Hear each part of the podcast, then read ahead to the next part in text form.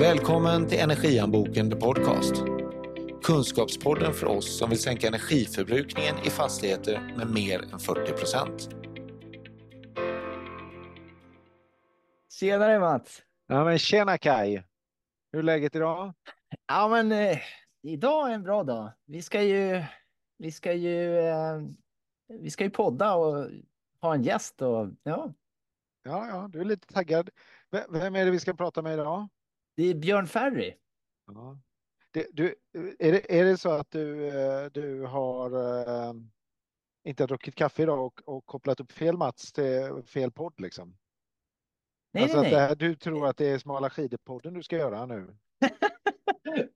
eh, nej, man kan tro det. Björn Ferry, han är ju för detta skidskytt och asgrym på det. Men eh, eh, varför ska vi ha han som gäst? Det är kanske din följdfråga eller? Ja, men det är egentligen det som är min följdfråga. Ja, Ja.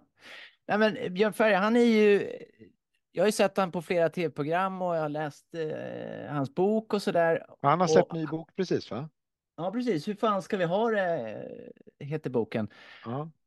Och eh, han, han funderar mycket på att göra klimatsmarta val. Eh, men han, han stannar inte vid att fundera på det, utan han faktiskt gör dem också.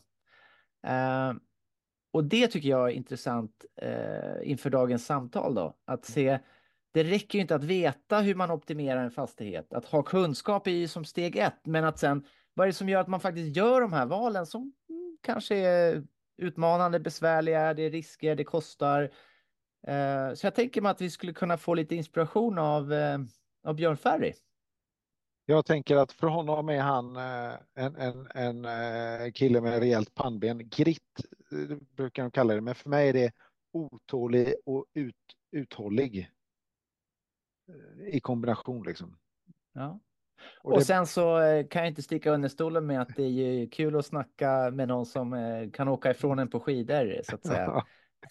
du, du träffar inte så många sådana menar du? Jo, jo, jo, jo, nu ska vi inte tappa ödmjukheten här, men, men eh, skidåkning är ju liksom. Eh, Det är ändå också det kul. som är det viktigaste. Ja, Ja, men Ja. du, ska vi? Eh, Ja, men vi kör. Köra Vi kör. igång. ja det blir bra.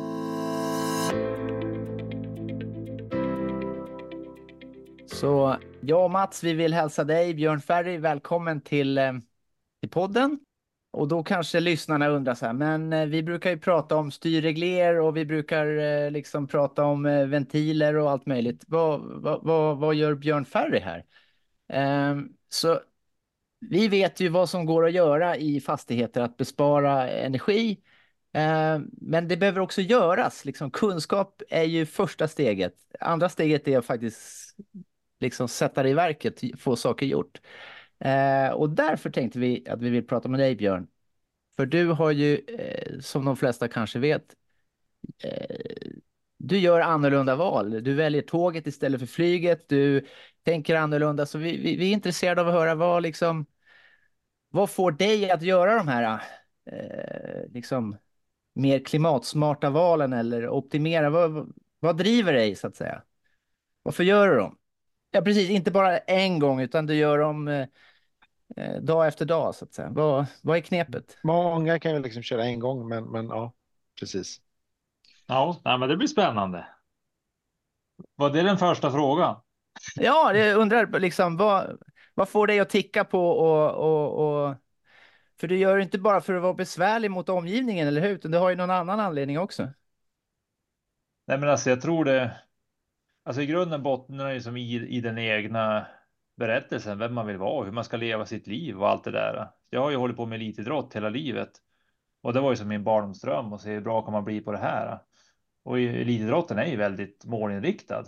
Och för att det ska bli bra så måste man vara bra över tid. Det räcker inte bara att träna en dag eller två dagar eller tre gånger i veckan eller ett år eller det är som tio år så mycket man kan så att man håller på att dö men inte gör det. Det är då man blir så bra som möjligt.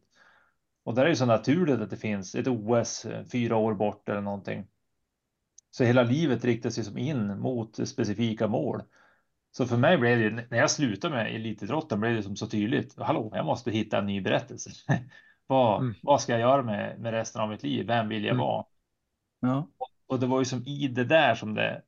Jag behöver ha en sån berättelse och min fru, hon var ju redan alltså Heidi Andersson, armbryterskan från ensamheten. Hon var ju redan sån här miljömupp kan man säga, men ekologisk livssyn och för henne var det ganska självklart. Så vi var som inspirerade av Parisavtalet 2015 och där knäckte jag som idén då att vi borde ha en familjevision och bli fossilfria till år 2025. Så vi bollade det lite fram och tillbaka, men som landade i det att ja, men det var rimligt om tio år och få se hur ska vi leva i framtiden? Hela världen ska ställa om. Det har vi så kommit överens om med Parisavtalet. Och till mitten av seklet ska vi typ fasa ut fossila bränslen. Där borde enskilda länder och enskilda människor kunna komma dit mycket tidigare. Mm. Så det blev som en sån där en, en trigger. Så för mig att, att, göra. När sa du att du började? När, när började du skapa den nya berättelsen? Så har eh, året liksom. För det är 2015. snart 2025. 20. Ja. Så det är snart tio år. Ja, men sen om jag spårar tillbaka och ser vad jag har uttalat mig så det, det börjar har jag ändå haft ett sånt där intresse kring de här frågorna säkert. Ja, sen ja, just efter sekelskiftet, jag ganska, ganska långt, kanske 15-20 år egentligen.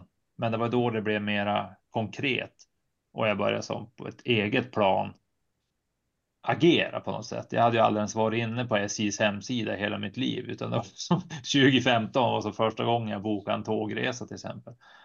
Ja. Så att, och då, att, att börja, för mig är det som att det måste finnas någon målsättning och gärna en bit bort och den ska vara som attraktiv, att det är någonting som känns lockande. Men finns det som ingen plan, inget mål, eller då, då finns det ingen anledning att göra. Ska man gå ner mm. i vikt, ja, men då måste man ju sätta ett mål och sen börja väga sig varje dag. Det är i regel det bästa sättet istället för att en dag prova att äta nyttigt eller träna en dag. Och så där. Det är som att få det där, lite som idrotten, att ha ett mål och hela tiden mäta sig mot det här. Kommer jag närmare eller kommer jag längre ifrån och sen korrigera efterhand. Ja.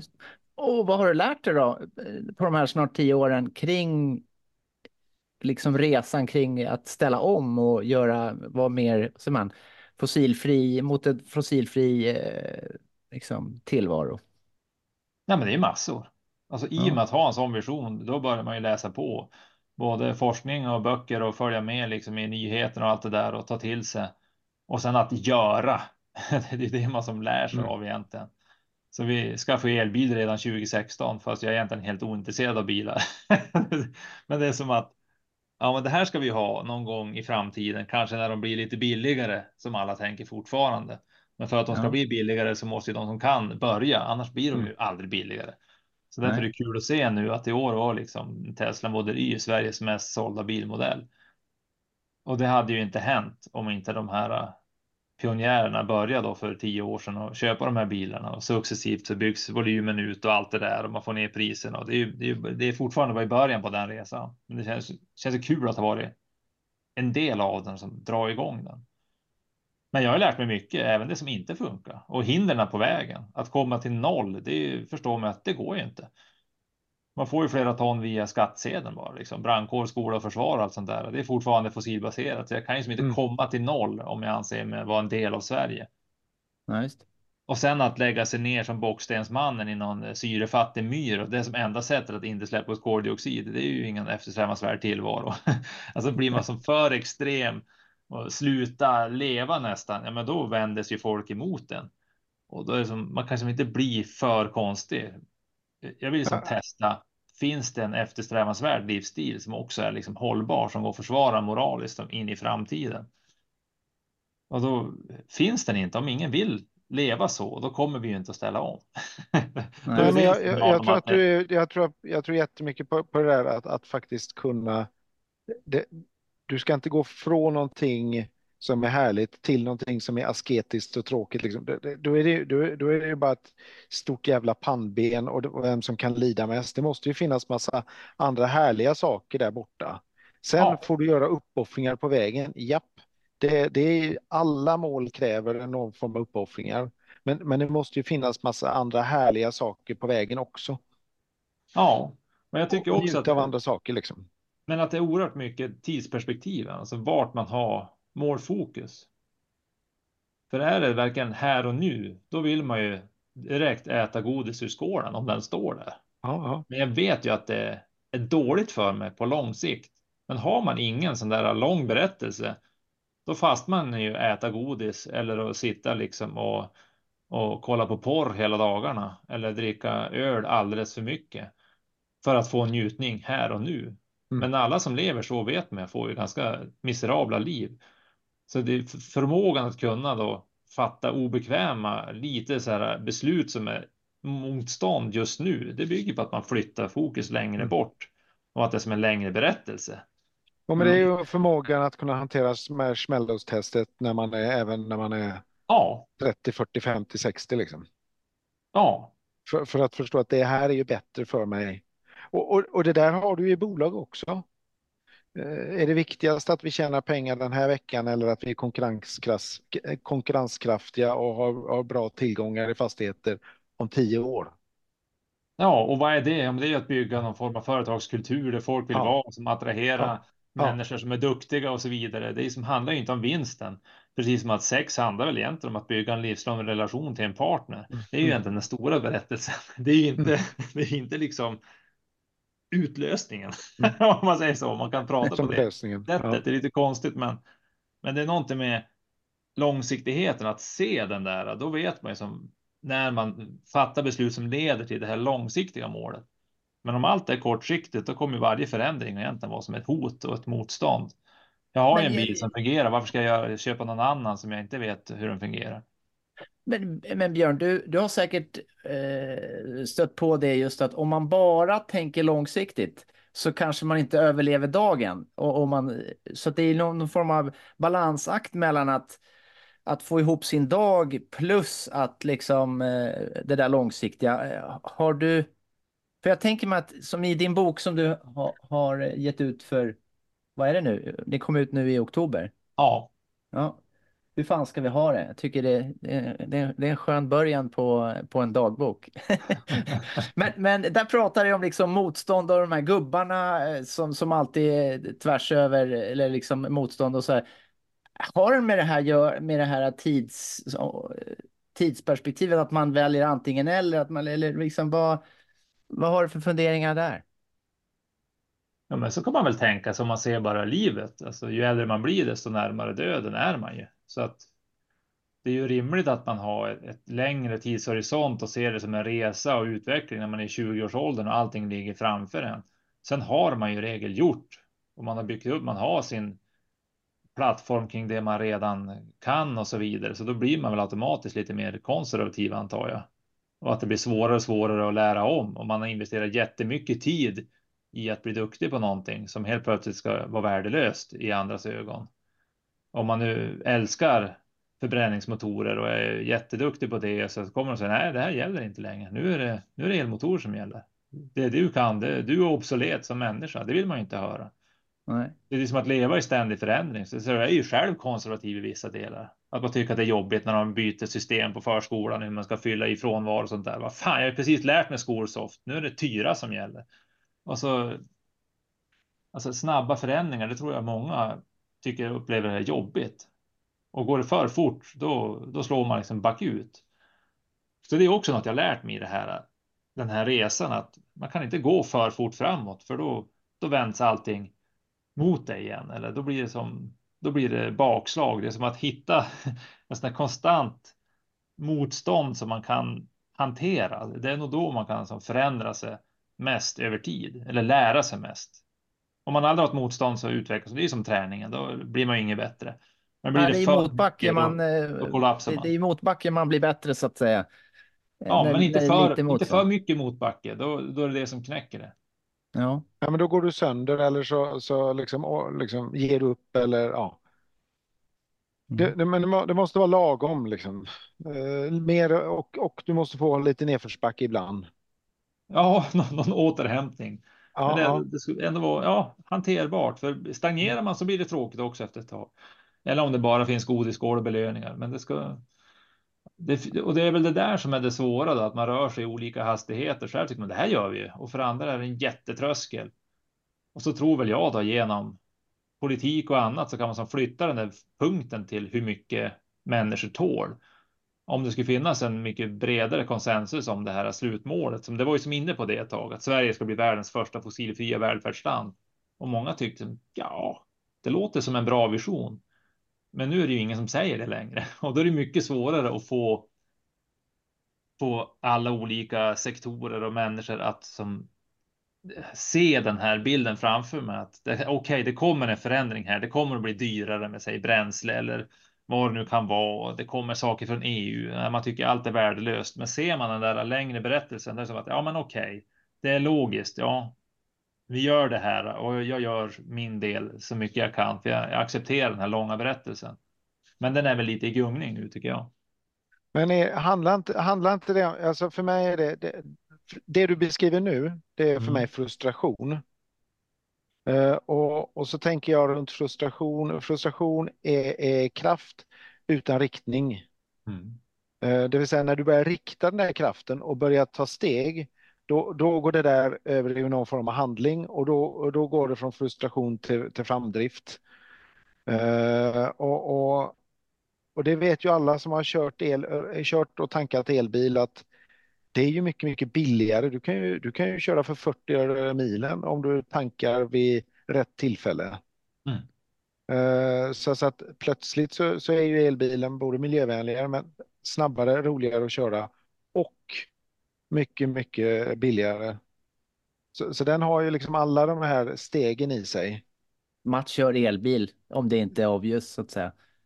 Ja, men vi har gjort det lika länge som dig tror jag. Jag mm. tror jag skaffade min första hybrid 2014 eller 2015 eller något sånt där. Mm. Och, och, och det, men det är också, du, du, kan prata elbil med, med någon som aldrig har kört elbil och så, så får du, det, det, det spelar liksom ingen roll.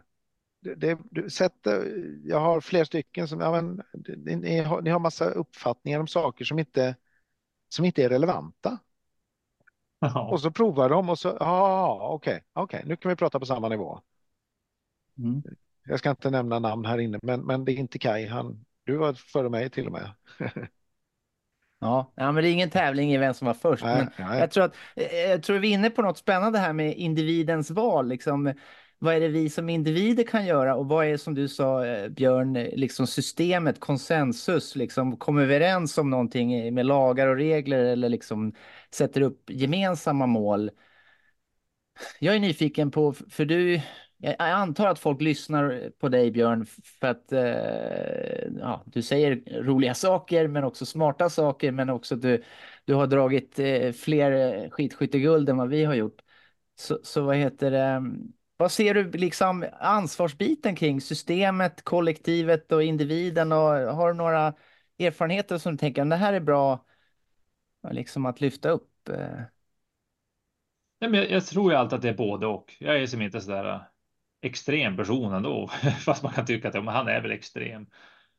Men att det ofta är både och. Är det bara eh, politiken som ska göra allting? Ska människor inte göra någonting? Eller ska män, är det, allt kommer från, från individen och det är så man skapar förändring? Ja, men det är ju givetvis både och.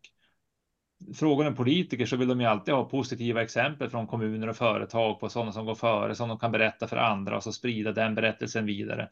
Det gäller ju även individer.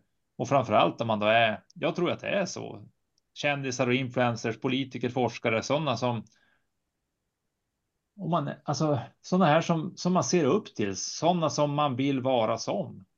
Även om man inte kan leva så nu så är det den drömmen man har. Att om jag, är det dit jag ska resa, är det här livet jag ska ha, de här kläderna jag ska ha, är det så här jag ska se ut, är det, det här jag ska hålla på med, det här jag ska jobba med. Det finns ju alltid någon förebild som man ser upp till, så jag tror att det spelar jättestor roll vad de människorna gör. Om jag nu är det, för, för det finns någon grupp som jag är det för, så ja visst, då, då är jag en sån. Men det är ja. klart att kungafamiljen och Zlatan Ibrahimovic och Charlotte Perrelli eller Wahlgrens värld, de här har ju jättestort inflytande också, men de gör ju helt andra val. så det är så. Men vad har du för förebilder då? Så, eh, liksom som, som du inspireras av kring att liksom gå den, göra de valen som du gör med? vet nog inte riktigt. Alltså när, när det var idrotten var det ju Gunde Svan och han var ju en sån där som också gjorde sina egna val. Gick före, alltså som bröt, bröt ny mark. Mm. Och jag värderar själv friheten som min starkaste värdering. Så då är det som. Och det enda jag landar är att jag vill ha min frihet, men jag vill inte påverka din frihet. Och i och med att man lägger till det, då kommer det in det där med moral och etik och hur man som beter sig. Jag kan inte bara roffa åt mig för mig själv. jag får göra det så länge som jag inte begränsar andra människors möjligheter och då, då blir det ju som en utmaning i sig. Att göra det lite svårare för sig istället för att bara välja det absolut enklaste. För jag skulle kunna leva ett jättegott liv och flyga jorden runt och gå på fester hela dagarna om jag ville det. Ja. Men jag tycker det här är mycket mer spännande. så jag vet inte, verkligen, alltså min fru är ju egentligen en förebild så. I att leva sina värderingar. Då måste man ju veta vad man har för värderingar. Mm. Ja, ja, det är som en förkrav för att kunna göra det. Så att... Ja, men jag upplever att många är sådär reaktiva. Det är andra som man tror att ja, men jag vill åka till Thailand säger vi. Men vill du det? Hur kom du på det? Ja, det är för att det är någon annan som har kommit på det. Säkert för flera decennier sedan som sedan har spritt sig till att bli som någon norm som en viss del av Sveriges befolkning ska som sträva efter som ett högt mål. Och när de väl kommer dit, då har ju den där gruppen som drog igång det, då har de ju något annat intresse. Då är det alpinskidåkning eller jakt eller segling som blir någon sån där ny norm som man försöker efter sig. Man jagar som andra strömmar istället för att verkligen fundera efter vad är ett bra liv? Hur vill jag leva? Men det är ganska svåra frågor. Ja, men är inte det är inte de de avgörande frågorna tänker jag. Går det att leva ett bra liv utan att fundera på vad ett bra liv är? Då det, det är som att hitta en nål i en höstack om du inte, tänker jag. Ja, det är ju därför det här med godisskålen eller kortsiktiga belöningar. Jag tror ju att om man hela tiden bara som lever på något vis. Ja, det blev så här idag och imorgon blev det så där och sen blev det så där. Ja, jag tror att man då är man inte tillfreds. Men det kan ju vara ändå till ytan ett bra liv. Ja, men då kommer du tillbaka till ansvar. Ja. Ja, eh, eh, och, och, och mitt ansvar är att för, allas ansvar är naturligtvis att fundera på vem vill jag vara och, och vad, är, vad vill jag skapa med mitt liv? Att bara åka med, då kommer jag åka uppåt och neråt och liksom inte styra själv. Och antagligen kasta bort det. Ja, kasta bort, ja, en sak är att kasta bort det och, och det andra är liksom att, att du blir ett offer för omständigheterna hela tiden. Mm. Men det är ju bra, för om, om vi får några influencers, typ de här tre snubbarna i den här podden som säger men nu ska vi göra bättre val. Vi ska använda energin eh, smartare eh, så att säga. Och så får vi det att bli en norm. Då behöver vi ha alla som bara följer den här coola normen. Men precis som att åka till Thailand så att säga. Så, så det är också Eh, det, det, är någon både och, att det behöver följas följare och så. där. Men då blir frågan så här, hur ska vi göra det sexigt, coolt, intressant och faktiskt göra klimatsmarta val i fastigheter, i personliga val? Liksom. Eh, har du några erfarenheter, Björn, om, om när det har gått från motstånd till eh, liksom, när det har tippat över och, och hänt någonting? Eh. Ja, men det är väl när man ser att det går. Att, att om man tar initiativet så känns det i regel bättre. Och när man, så fort man lär sig någonting så känns det också bättre. Och att, och att inte bli så där cynisk utan ha, som, ha kvar tron. Alltså man kan ju prata om finns det gott och ont? Ja, men det finns det väl. Ja, men då är det ju bättre med att agera på vara god liksom. Men du kan ju, du, du, kan ju göra, det kan vara två goda saker också, men en kanske är mer god än den andra. Du kan jämföra dem. Mm. Så du kan liksom göra någon hierarki över det här. Vad, vad är som, det blir nog filosofi och moral och etik. Alltså det är nog filosoferna som har svaren. Det ligger liksom över politiken egentligen. Men menar du att, att om man mäter saker så kan man liksom göra den här hierarkin? Det, det, ena är bättre än det andra, även om båda är bra. Så att, att mäta data, statistik, är det typ så? Och när det är bevisat att... Ja, men, men jag, bör, jag börjar ändå vackla lite i om man säger jag tror på vetenskapen, jag tror på fakta. Det är ju lätt att säga, men det finns ju hur många fakta som helst. Jag måste ju ändå gradera dem, rangordna dem. Och då kommer det tillbaks till mera subjektiva värderingar. Varför är det här viktigare än det där? Mm. Och då blir det alltså om någon sa att, att Gud är synonymt med det maximalt goda, då skulle jag säga, ja, men då, då tror jag nog att det finns en gud. Alltså att det, det handlar mer om vad vi har i oss, det bästa möjliga jämfört med motsatsen, det sämsta möjliga. Och alla mm. försök, alla religioner, ideologier eller vad det nu kan vara, syftar väl egentligen kanske i första hand inte efter att skapa utopia utan att undvika det värsta tänkbara, alltså helvetet. Att se till så att vi inte hamnar där, för det ser vi nu i Israel och de här Ukraina, så vad lätt det är att vi hamnar i sämsta tänkbara. Så det är väl det jag vill göra, att försöka tänka hur kan jag vara som människa gentemot mig själv då, för att som. Att hitta den Det där blir minst livsstilen. som- dåligt liksom. Ja, alltså ja, minst dåligt eller motsatsen då. Bästa möjliga, alltså, och då är det väl egentligen att ta på sig så mycket ansvar som möjligt om man nu kan bära det ansvaret. Ja. Men då måste man ju ställa sig svåra frågor och försöka. Jag är, jag är inte i mål där på något vis, men jag är 45 år så det börjar väl ändå vara. Nu springer katterna runt. ja, du är bara pojken jämfört med oss. Jag fyller i 50 om en eh, tre veckor här så. Oj då, då du ser välbevarad ut för din ålder. ja, men har man solceller och man blir tvungen att skotta av dem, då får man ju lite motion så att säga. Ja, eh, Men jag- jag kan känna igen det du säger, just det här med, med valen. Jag- kommer ihåg, eh, vi var de första att sätta upp solceller i Piteå kommun, eh, så ingen visste hur det skulle gå till. Så ingen hade ju svar. Men sen när jag väl satte upp dem och så inne, nu sitter de uppe, nu, nu, nu, och då händer det massa saker. Men, men jag mår ju bra av att göra ett sånt val, för jag ser ju sen att jag får många spännande samtal med folk som är nyfikna och så vidare. Och så, så rullar bollen så jag, jag tror verkligen på det du säger, att, att goda exempel som påverkar andra, som gör att vi får nya saker att prata om. Vi får nya saker att vara glada över, att men vi har löst det här problemet eller vi har minimerat i alla fall. Eh, och så blir det aldrig helt perfekt, men vi, vi liksom stegvis. Ja, visst är det så. Bättre För det är därför jag säger det med både och. Vi skaffar elbil, vi har solceller, vi har växthus, men vi handlar också second hand och, och tar inte ut högre lön än vad vi behöver. Alltså vi gör massa sådana här på som jag ska säga offersidan också. Men, men det är ju mer spännande med den här teknikutvecklingen att vara modern och det är ju status att ha det senaste. Det går ju som i linje med den tidigare berättelsen också. Att det är som det är lite åt konsumismhållet, men det är, men det är de bättre valen som också alltså det senaste är i regel bättre. Det är väl samma med att energieffektivisera husen. Du vill inte ha någon gammal teknik, utan det är som ja, men vi vet mer nu. Så använd den senaste, färskaste, bästa kunskapen. Då kan vi göra det här mycket bättre. Ja. Samtidigt som man då måste tänka efter. Jag måste nog förändra hur jag lever och vad jag strävar efter också. För om, om alla bara ska maximera sin, sina upplevelser så då, då blir det ju nog trångt. Planeten blir ju inte större liksom. Så vi kommer att vi kommer nog få anpassas också. Det är väl ingen självklarhet i att bara för att man har råd att kunna göra saker. Det är väl det som är svårt, att ha pengar att välja att inte använda dem. Det, det är väl någonting lurigt med det. Mm.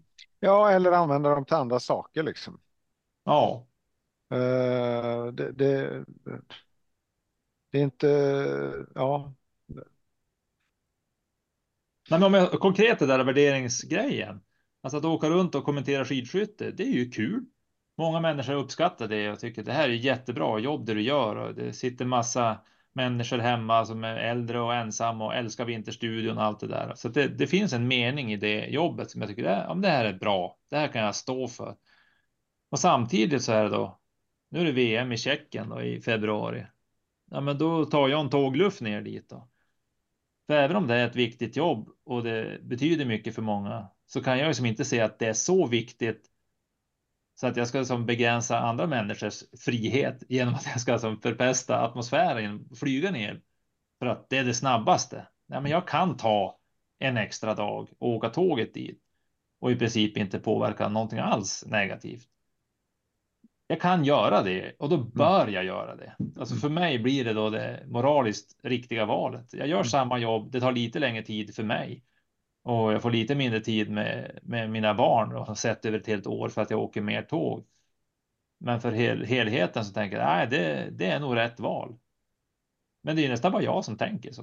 Och då börjar man tänka, är det jag som är dum i huvudet här eller? Ja, men, Men låt man oss, göra det valet så tycker jag man ska göra det valet. Men hur, hur, hur länge har du gjort det då? Är det liksom en eh, så här, ja men nu är jag på den här nya fastan så att nu vecka två så är det coolt. Och så, men hur länge har du gjort det här valet då? Så att du, hur senaste gången jag flög var 2017. Och nu är det 2024 då? Ja. Så att det, det är ju ganska länge, så för mig har det blivit en vana. Jag Ja. funderar inte på något annat. Och är det Mhm. besvärligt, lika besvärligt nu som i början eller har det blivit lättare för att det har blivit en vana? Ja, det blir väl lättare att jag känner mig bekväm att åka nattåget ner till Umeå. Jag åker bussen, eller jag åker bussen till Umeå, nattåg ner till Stockholm. Det är det vanliga när jag kommenterar skidskytte. Och jag, nu har jag åkt ganska många gånger till Europa också, så att jag, jag känner mig som inte jätteorolig för det. Men själva tågen och, och rälsen och så, det fungerar ju bara sämre och sämre. Så att det är som. För det mig behöver upprätthållas också. Ja. Men det är ju en enorm frustration över att man säger att det här funkar inte. Ju fler som åker tåg, desto sämre fungerar det. Mm. Och det blir ju som en frustration. Vad ska jag göra åt det här? Ska jag mejla någon på SJ? Gör det någon skillnad? Och så vet man hur lång tid det tar att bygga ny räls. Bara att beställa nya tåg verkar ju vara typ ett decennium bort. Alltså det är så här. Uh, det, det, är lite trist. Det är trögt. Ja, det är ju det. Det är ju mm. det. Coolt. Ja, och samtidigt så kan vi titta på Japan där de, eh, där de är i, i tid. Liksom spot on hela tiden. Eller Schweiz som har jävligt mycket tuffare förhållanden än vad vi har. Och tåget bara går trots att det snöar och kommer löv på spåren och vad det är. Ja, ja, ja. Ja, och ja, Kina har de samma sak ja, också. Ja, det går ja. inte att hoppa på spåren. Det är ju sådana slussar som är. Ja. Jag vet en, en kollega Björn Lind, sprintkungen från Turin. Han är ju mycket i Kina, så de där tågen, de går liksom på sekunden i tid. Skitfort. Det är oftast bättre val att ta tåget än att flyga, för det är mycket mer bekvämt och allt funkar. Och så här är det som 1800-tal. Det är typ sämre än 1800-tal. Så då, då, kanske samtalet handlar om att jag prata, att... påverka de som har eh, liksom som rår över de här sakerna som, som antingen gör det mycket sämre för många eller mycket bättre för många. Det kan ju vara en liksom. Ja, vill man förändra den vanliga vägen, då ska du bli politiker och, och, få inflytande. Men jag tycker den är som. Det är någonting med politiken som jag inte gillar, för det betyder att låsa fast sig i en berättelse. Och då, då är man ju som inte flexibel längre. Då ska man ju bekänna sig till en tro. Det här är det här partiets tro och då är det den, den som gäller. Jag är ju mera forskartypen som vill hitta svar och det där mm. vet jag inte. Framtiden, jag, jag, vet inte. Jag kan gissa och tro och sen nej, du kommer ett bättre argument. Ja, då vill jag ju kunna ändra mig. Mm. Så det, det är mera. Men är det inte så att vi behöver politiker som tycker om det där? Det finns många som gör det. Uh, och vi behöver sådana som går före och, och, och är liksom explorers, alltså Columbus, uh, Eh, vad heter han norrmannen som upptäckte Amerika eh, före Columbus då? Eh, inte Heyerdahl eller? Nej, det var inte Heyerdahl. Vad hette han? Vad, vad, det var vikingen. Oh, det här nu får jag stryk om jag inte kommer på det. Ja. jag är norrman. men men det, det, är ju liksom, all, alla, alla behövs ju liksom. Men alla behöver också ta ansvar, tänker jag, utifrån de val man gör och fundera på vem, vem man vill vara. Mm. Det, det, ett av problemen är de som bara guppar med. Och, och det är ju den stora massan. Och de sneglar emot de här som, som de ser upp till. Så jag, jag tror ju att och då blir, många, ja. ja, då, då blir ju du viktigare eller minst lika viktig som en politiker, tänker jag. Om folk ja. ser upp till dig så, så har ju du en enorm påverkansmöjlighet. Eh, men vi påverkar på olika sätt. Mm. Mm. Alltså, jag har nog landat att jag tror att, att jag har det bästa jag gör är att göra ungefär det jag gör. För ju mer man blir som alla andra, så blir man politiker, då lever man ju det livet. Mm. För nu om jag läst i boken så blir det ju som att jag vill ju att det ska vara ett exempel på som en, en livsstil som många skulle kunna tänka sig att det där, så tänk om man skulle kunna ha det så där. Mm. Kanske inte kan ha det exakt så där, men i den mm. riktningen. Mm. Ja. Man har lite egen skog och man har tid för att liksom odla sina intressen. Ja visst, man jobbar en hel del också, men men det är mer att man ställer sig frågan hur mycket behöver jag jobba istället för hur mycket kan jag tjäna? Mm. Och att vända lite grann på de där grejerna. Men mm. om jag skulle bli någon vanlig och åka runt som politiker och jobba heltid med det, då kan ju jag inte vara i min skog eller vara ute och fiska med sonen eller hålla på med hackspettarna eller blommorna, vad gör, en massa. Då försvinner ju det livet. Mm. Mm. Man kanske tappar familjen också på köpet mm. för att man är aldrig hemma. Och då, vad var det för livsstil? Då mm. är man ju som ingen förebild egentligen. Nej. Och det, det jag gillar ur din bok eh, är att jag som lyssnar, eh, för jag gillar att lyssna eh, på ljudböcker när man är ute och går och, och håller på. Eh,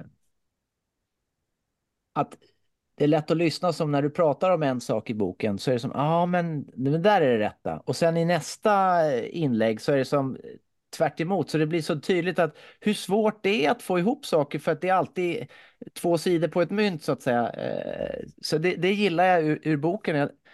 det är väl lite så också med det den här podden handlar om, att liksom få ihop olika delar i en fastighet. Det ska vara eh, bra inomhusklimat, alltså man ska må bra där, men sen ska det vara ekonomiskt och så. Ja, det, det, är så många bitar som att, att det är hela tiden utmaningen att balansera. Eh... Ja, men ibland ska du laga, ibland ska du byta eh, i en fastighet.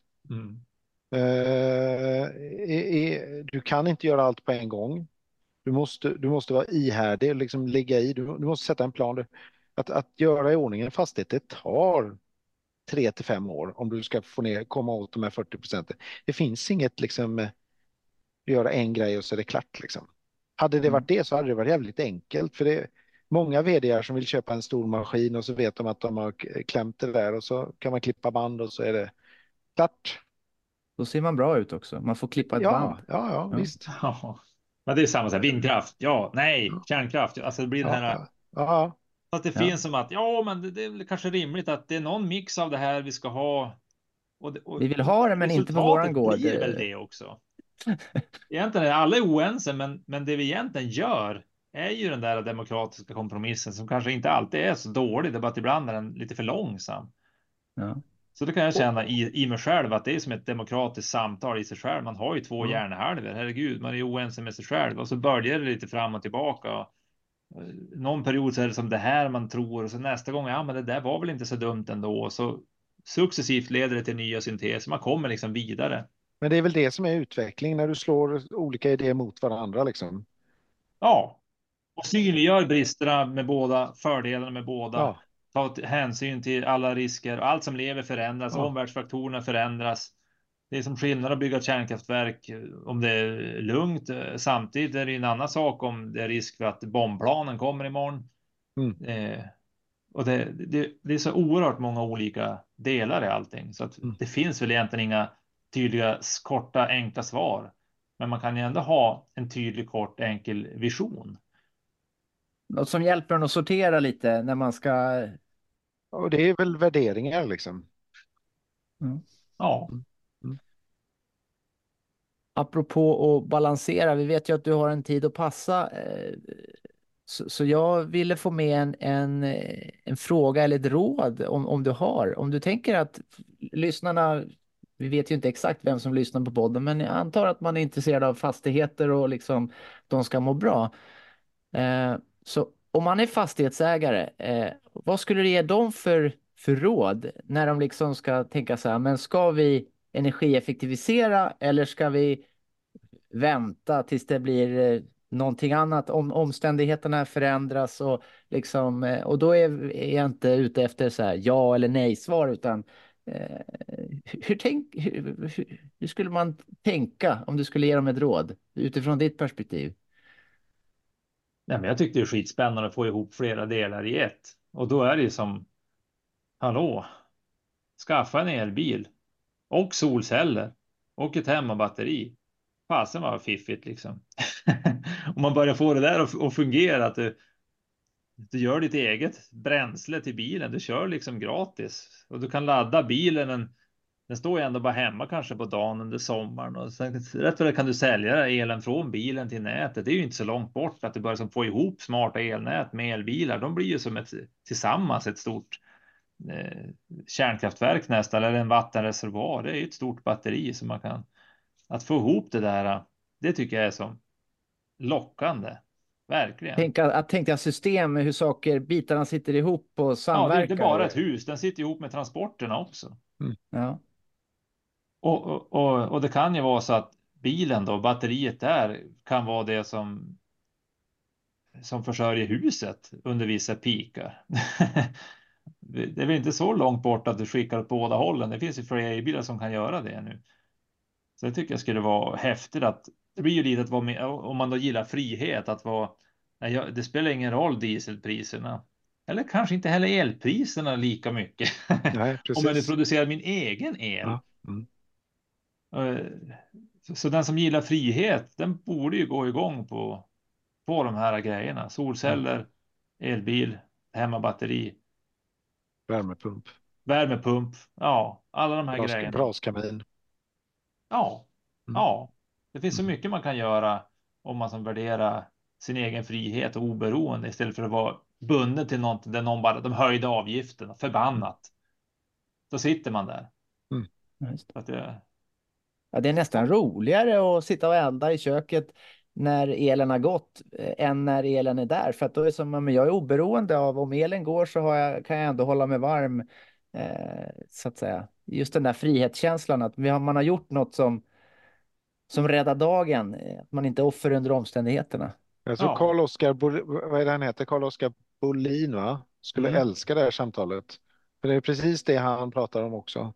Att, att skapa han större resiliens. Jag är okunnig här. Uh, ja, men, vad, vad, han, är minister. Minister uh, för MSB, alltså civilförsvaret. Mm. Civil, civilförsvarsminister. Ja. ja. Men det handlar ju om att skapa en resiliens, en egen resiliens. Och inte vara liksom helt beroende av allt annat. Liksom. Ja.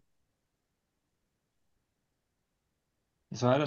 Ja. ja, men det är un ungefär så. Sen kan man väl alltid isolera huset och byta fönster. Det finns alla möjliga saker man kan göra. Men jag gillar att få ihop hela delen.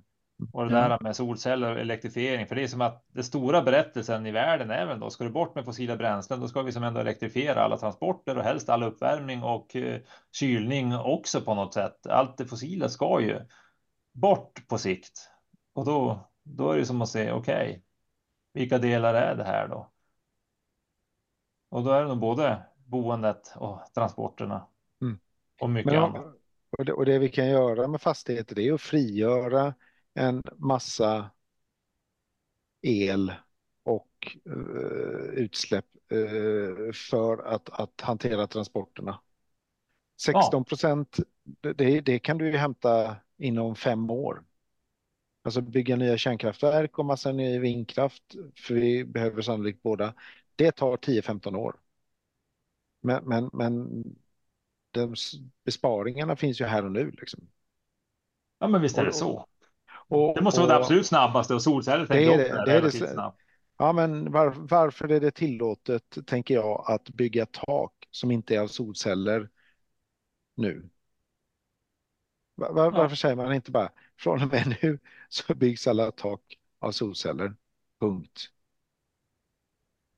Ja, det är många ja. saker som man tänker så. Alltså, hur kan man bygga då en ny parkering utan att det går att ladda där eller vad det nu ja. kan vara. Ja, ja. Bostadsrättsföreningar som är väldigt konservativa och som inte ser. Ja, men det är väl som i allting det som vi börjar prata om att de som bestämmer och, och sitter på positioner i styrelser och i bolag och politiker och allt vad det kan vara de är ju de som tjänar på det rådande. Det är det de är experter på på något vis. Så att då kommer man säga nu är det det här som gäller. Då är det ett starkt motstånd mot alla då som skulle missgynnas av att det var krav på solceller på alla nyproducerade hus. Mm. Ja, och de kommer lobba så in åt helvete för att det inte ska hända och att det är problem mm. och det är gruvor och det är barnarbete och det är fruktansvärt allting. Mm. Men visst, ja. men jag tror ju att det här kommer ju. Det är bara mera hur kan man göra det lite snabbare så att det är som ett tryck i det här så man som inte tappar farten. Mm. Och då är det viktigt att folk går före. Mm. Ja. ja, vi fortsätter med det. Gå före mm. eh, med goda idéer. Då. Du behöver gå, eh, Björn, alldeles strax. Eh, supertack för att du ville vara med. Ja, vad kul att prata med dig. Tack så mycket. Ja, tack själv. Var inte det här kul? Jo, jo. han är riktigt spännande och flerdimensionell skulle jag säga. Det, det är det jag tyckte, det, det var det jag fastnade mest för. Alltså det är både kultur, moral, etik och, och att sätta långa mål och, och liksom eh, fundera på vem man vill vara som människa plus att göra de här valen. Det, det är det som gör skillnaden. Vad, vad tar du med dig? Att just tänka över tid. Det blir ju så vansinnigt tydligt hur lätt det är som Björn sa att, att eh, välja det lätta, ta godis, eh, göra liksom det som är lätt för dagen. Men så fort jag, jag tänker lite över tid, att jag tänker så här, vart vill jag vara eller vad vill jag göra med liksom om det är en fastighet eller om det är mitt privata liv, att, att den här tidsaspekten, hur den påverkar liksom eh, valen. Jag tycker det för mig är ju det att ta ansvar.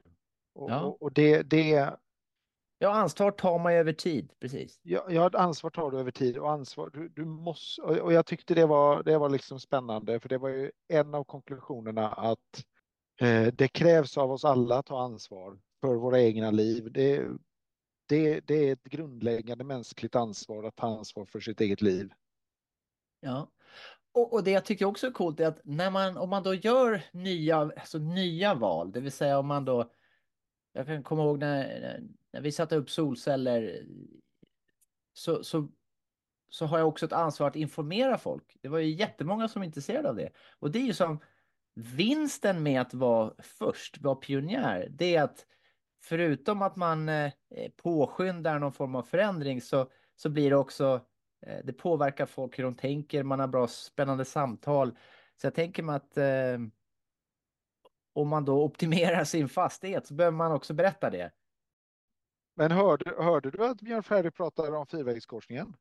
Ja, det var ju väldigt kul. Den här sista frågan om råd till fastighetsägare när, när Björn pratar om eh, elbilen, batteriet och solcellerna. Ja. Och hur de samverkar.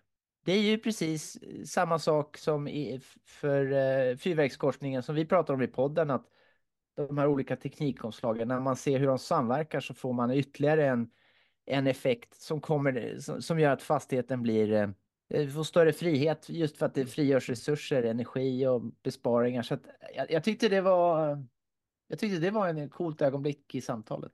Mm. Nej, stort tack till Björn. Han var, han var cool. Ja. Och jag vet inte om man kan följa Björn på sociala medier. Jag antar att han inte är världens, eh, liksom, att det är prio ett. Men, men kolla. Eh, ja, jag följer han... honom på Twitter i alla fall. Ja. ja. Men det tycker jag att man ska göra för att eh, det är en inspirerande person helt klart. Eh, både vad han säger och tänker och, och gör så att säga. Um, så hurra för Björn Ferry tycker jag. Ja, jag håller med. Ja. Du, eh, då tackar vi för idag. Ja, det gör vi. Ja. Det här var kul. Mm, det var kul. Hej! Hej! Podden görs av oss på Indoor Energy.